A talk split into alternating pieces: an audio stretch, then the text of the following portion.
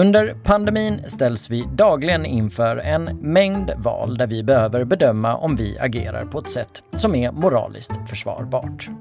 Rekommendationerna de är tydliga med att vi ska begränsa våra nya kontakter och undvika sociala sammanhang. Och under året har vi även titt som tätt blivit tillsagda att avstå från onödiga resor.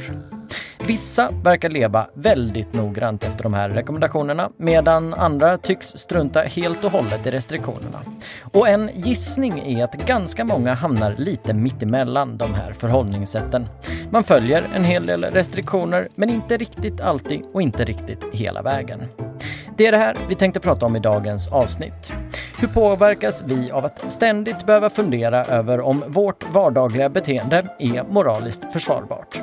Hur ska vi egentligen se på vårt uppenbara behov av att peka ut de andra som enligt oss gör fel och inte beter sig som man ska? Och hur kan egentligen det här påverka oss och i förlängningen vårt samhälle på sikt? Det och lite mer i dagens Aftonbladet Daily. Och i dagens avsnitt så har vi valt att ringa upp Kalle Grill. Han är docent i filosofi och han får börja med att resonera kring frågan om huruvida den här krisen lett till att vi dagligen funderar mer över vad som är rätt eller fel.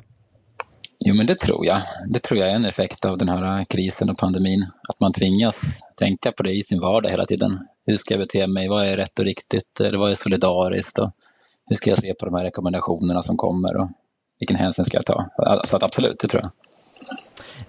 Det här att vi dagligen behöver väga olika beslut mot varandra på det här sättet, alltså om de är moraliskt försvarbara. vad, vad tror du att det gör med oss? Ja, eh, i bästa fall så gör det att vi tänker efter mer och blir mer genomtänkta. Jag menar, livet är ju en lång serie av moraliska val, skulle jag påstå. Även om olika moralteorier har lite olika svar på det där. Eh, alltså vissa är mer krävande och tänker att varenda handling påverkar ju på något sätt andra människor och långsiktiga effekter och naturen och vad det kan vara. Och då, och då är det en moralisk fråga därför. Medan andra teorier är lite mer återhållsamma eller tycker att det är vissa saker man inte, man ska inte skada andra människor men så länge man inte skadar någon då är det mer fritt fram då moraliskt. Så att där finns det en oenighet bland, bland moralteorier. Eh, men, men nog är det bra att tänka moraliskt ofta. Ja, för att det du är inne på här, alltså det här är ju inte någonting nytt. Det är ju bara att nu känns det som att det har gått upp för många att det är, det är så här det ser ut när man tar beslut. Alltså att vi behöver förhålla oss till rätt och fel även pandemifria år. Alltså är det, är det så stor skillnad nu då? Egentligen inte, skulle ju jag och många filosofer säga, för att det är ju sådana här livsstilsfrågor som det handlar om på något sätt. Att ska jag gå till jobbet eller inte och hur ska jag bete mig mot mina vänner och vad det kan vara. Eh, det är sånt där som påverkar till exempel miljön förstås, vårt konsumtionsbeteende. Eh, det kan påverka djur, vad vi äter. Eh, det kan påverka alltså andra människor, hur de har det, våra relationer, relationsetik så att säga. Där finns det också, skulle jag påstå, moraliska värden på spel hela tiden. Så att när jag tänker nog att vi ständigt lever liksom i, en, i en moralisk värld där vi fattar moraliska beslut, vare sig vi gör det medvetet eller inte. Och att nu har fokuset blivit på på lite andra värden och ett annat hot och det är mer omedelbart och därför så är människor mer medvetna. Men, men mer ett skifte tänker jag i vilken typ av moraliska frågor som är aktuella. Hittills i det här avsnittet så har vi mest pratat om vad som händer när vi ställer frågan om rätt eller fel till oss själva.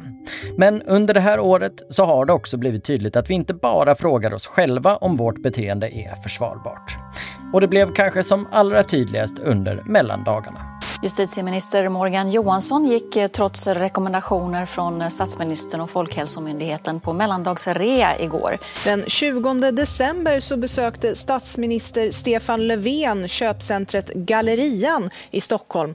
Det här rapporterar Expressen. Och nu rapporterar Aftonbladet att finansminister Magdalena Andersson besökte en skiduthyrning i Sälen den 20 december.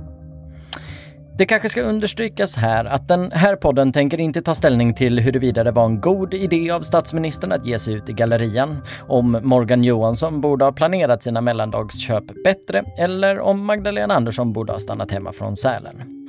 Nej, istället tänkte vi prata om det som i någon mån var drivkraften bakom att det här överhuvudtaget blev en story. Nämligen känslan av att de hade gjort fel och att vi har rätt att säga att det här, ja, det är minsann fel. Politikernas julaktiviteter, det är en historia, men genom hela pandemin har vi sett samma mönster och otaliga exempel på hur kritikstormar blossat upp kring personer som betett sig på ett sätt som andra sett som moraliskt tveksamt.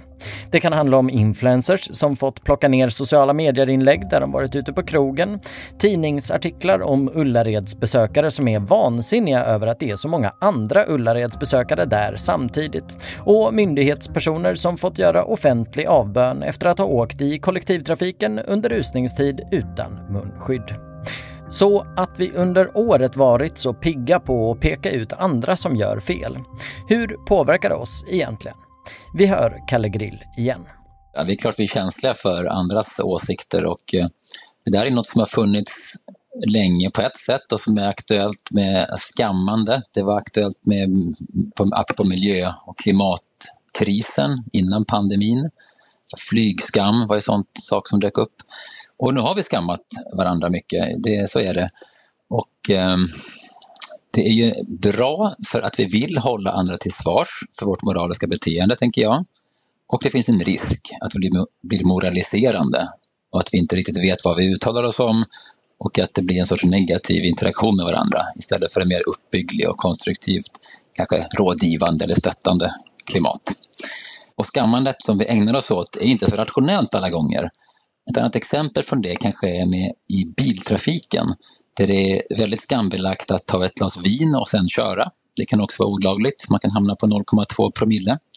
Men det finns ingen statistik som visar att man är en större trafikrisk på så låga nivåer som 0,2 eller 0,3. Medan däremot om man kör lite för fort, 5-10 kilometer, så är man en helt klart större risk. Eh, och det är inte lika skambelagt. Så att det finns ingen stark koppling mellan objektiva risker så att säga och eh, vad som blir skamkopplat i, i människors medvetande eller i debatten. Det här har ju liksom inte bara lett till att man eh, tittar på hur andra gör utan jag tänker att många kan nog också känna igen sig i att det är en ständig förhandling med sig själv. Att man kanske har varit väldigt duktig i två veckor och stannat in och isolerat sig och sen så känner man då att ja, men då kan jag nog kanske gå på en shoppingtur nu eller något sånt här. Alltså, eh, hur, hur ska man förhålla sig till det där, den liksom ständiga inre förhandlingen? Ja, jo, det är också något som egentligen pågår hela tiden. Jag tror att de flesta av oss har väl ideal om hur vi borde leva mer moraliskt. Eh, I mitt fall handlar det om att jag är vegetarian men jag tänker kanske borde vara vegan. Eh, jag skänker lite pengar till behövande men jag kanske borde skänka lite mer. Eh, och sådär. För någon annan kan det vara andra saker som man, man tänker man borde vara mer hjälpsam med sina vänner eller vad det nu kan vara. Så det är väl egentligen ett vanligt tillstånd att vi vi tycker att vi borde göra bättre än vi gör. Och så brottas vi med det. Men i det här fallet så har det ju varit mer som, i och med att det kommer då restriktioner eller rekommendationer från, från myndigheter och politiker uppifrån så blir det mer som ett minimikrav att eh, allt det här ska uppfyllas, då, även om det är formulerat som så bör och rekommendationer. Eh, så det gör väl att det är svårare. Det är mer som att det fanns en rekommendation att du bör äta veganskt, du bör skänka 10% av din inkomst. Så finns det inte, utan det är mer någon sorts, vissa kanske blir imponerade om man, om man lyckas med det. Även om det kanske också är viktigt. Jag tänker nu om vi försöker sammanfatta lite. Pandemin har pågått i eh, ett år ungefär. Ehm, alltså finns det några beteenden som vi som befolkning ägnat oss åt under året som, vad ska man säga, som har förvånat dig? Ja, det kanske man kan säga. Vi har ju ändå lyckats hantera väldigt svåra, komplexa moraliska frågor. Det här med att jag har en risk att bli smittad om jag rör mig på fel sätt och är för nära andra människor. Det påverkar ju min hälsa. Det påverkar även då min benägenhet att i förlängningen smitta andra människor, konkreta individer. Och det kan sedan påverka belastningen på sjukvårdssystemet och sådana väldigt svåra komplexa samband. Och det här har vi ändå lyckats översätta till att vi tycker saker och tar ställning och eh, beter oss. Så att det har varit en övning, tänker jag, i avancerat eh, konsekvenstänkande som jag hoppas vi kan ta med oss till andra områden. Sist här, Kalle Grill, docent i filosofi. Jag som pratar nu, jag heter Marcus Ulfsson och det här är Aftonbladet Daily, vår dagliga nyhetspodd. Ni kan prenumerera på oss i er poddspelare så får ni ett nytt avsnitt varje vardag där vi tar en extra noggrann titt på något aktuellt ämne. Så ta hand om er där ute så hörs vi imorgon igen.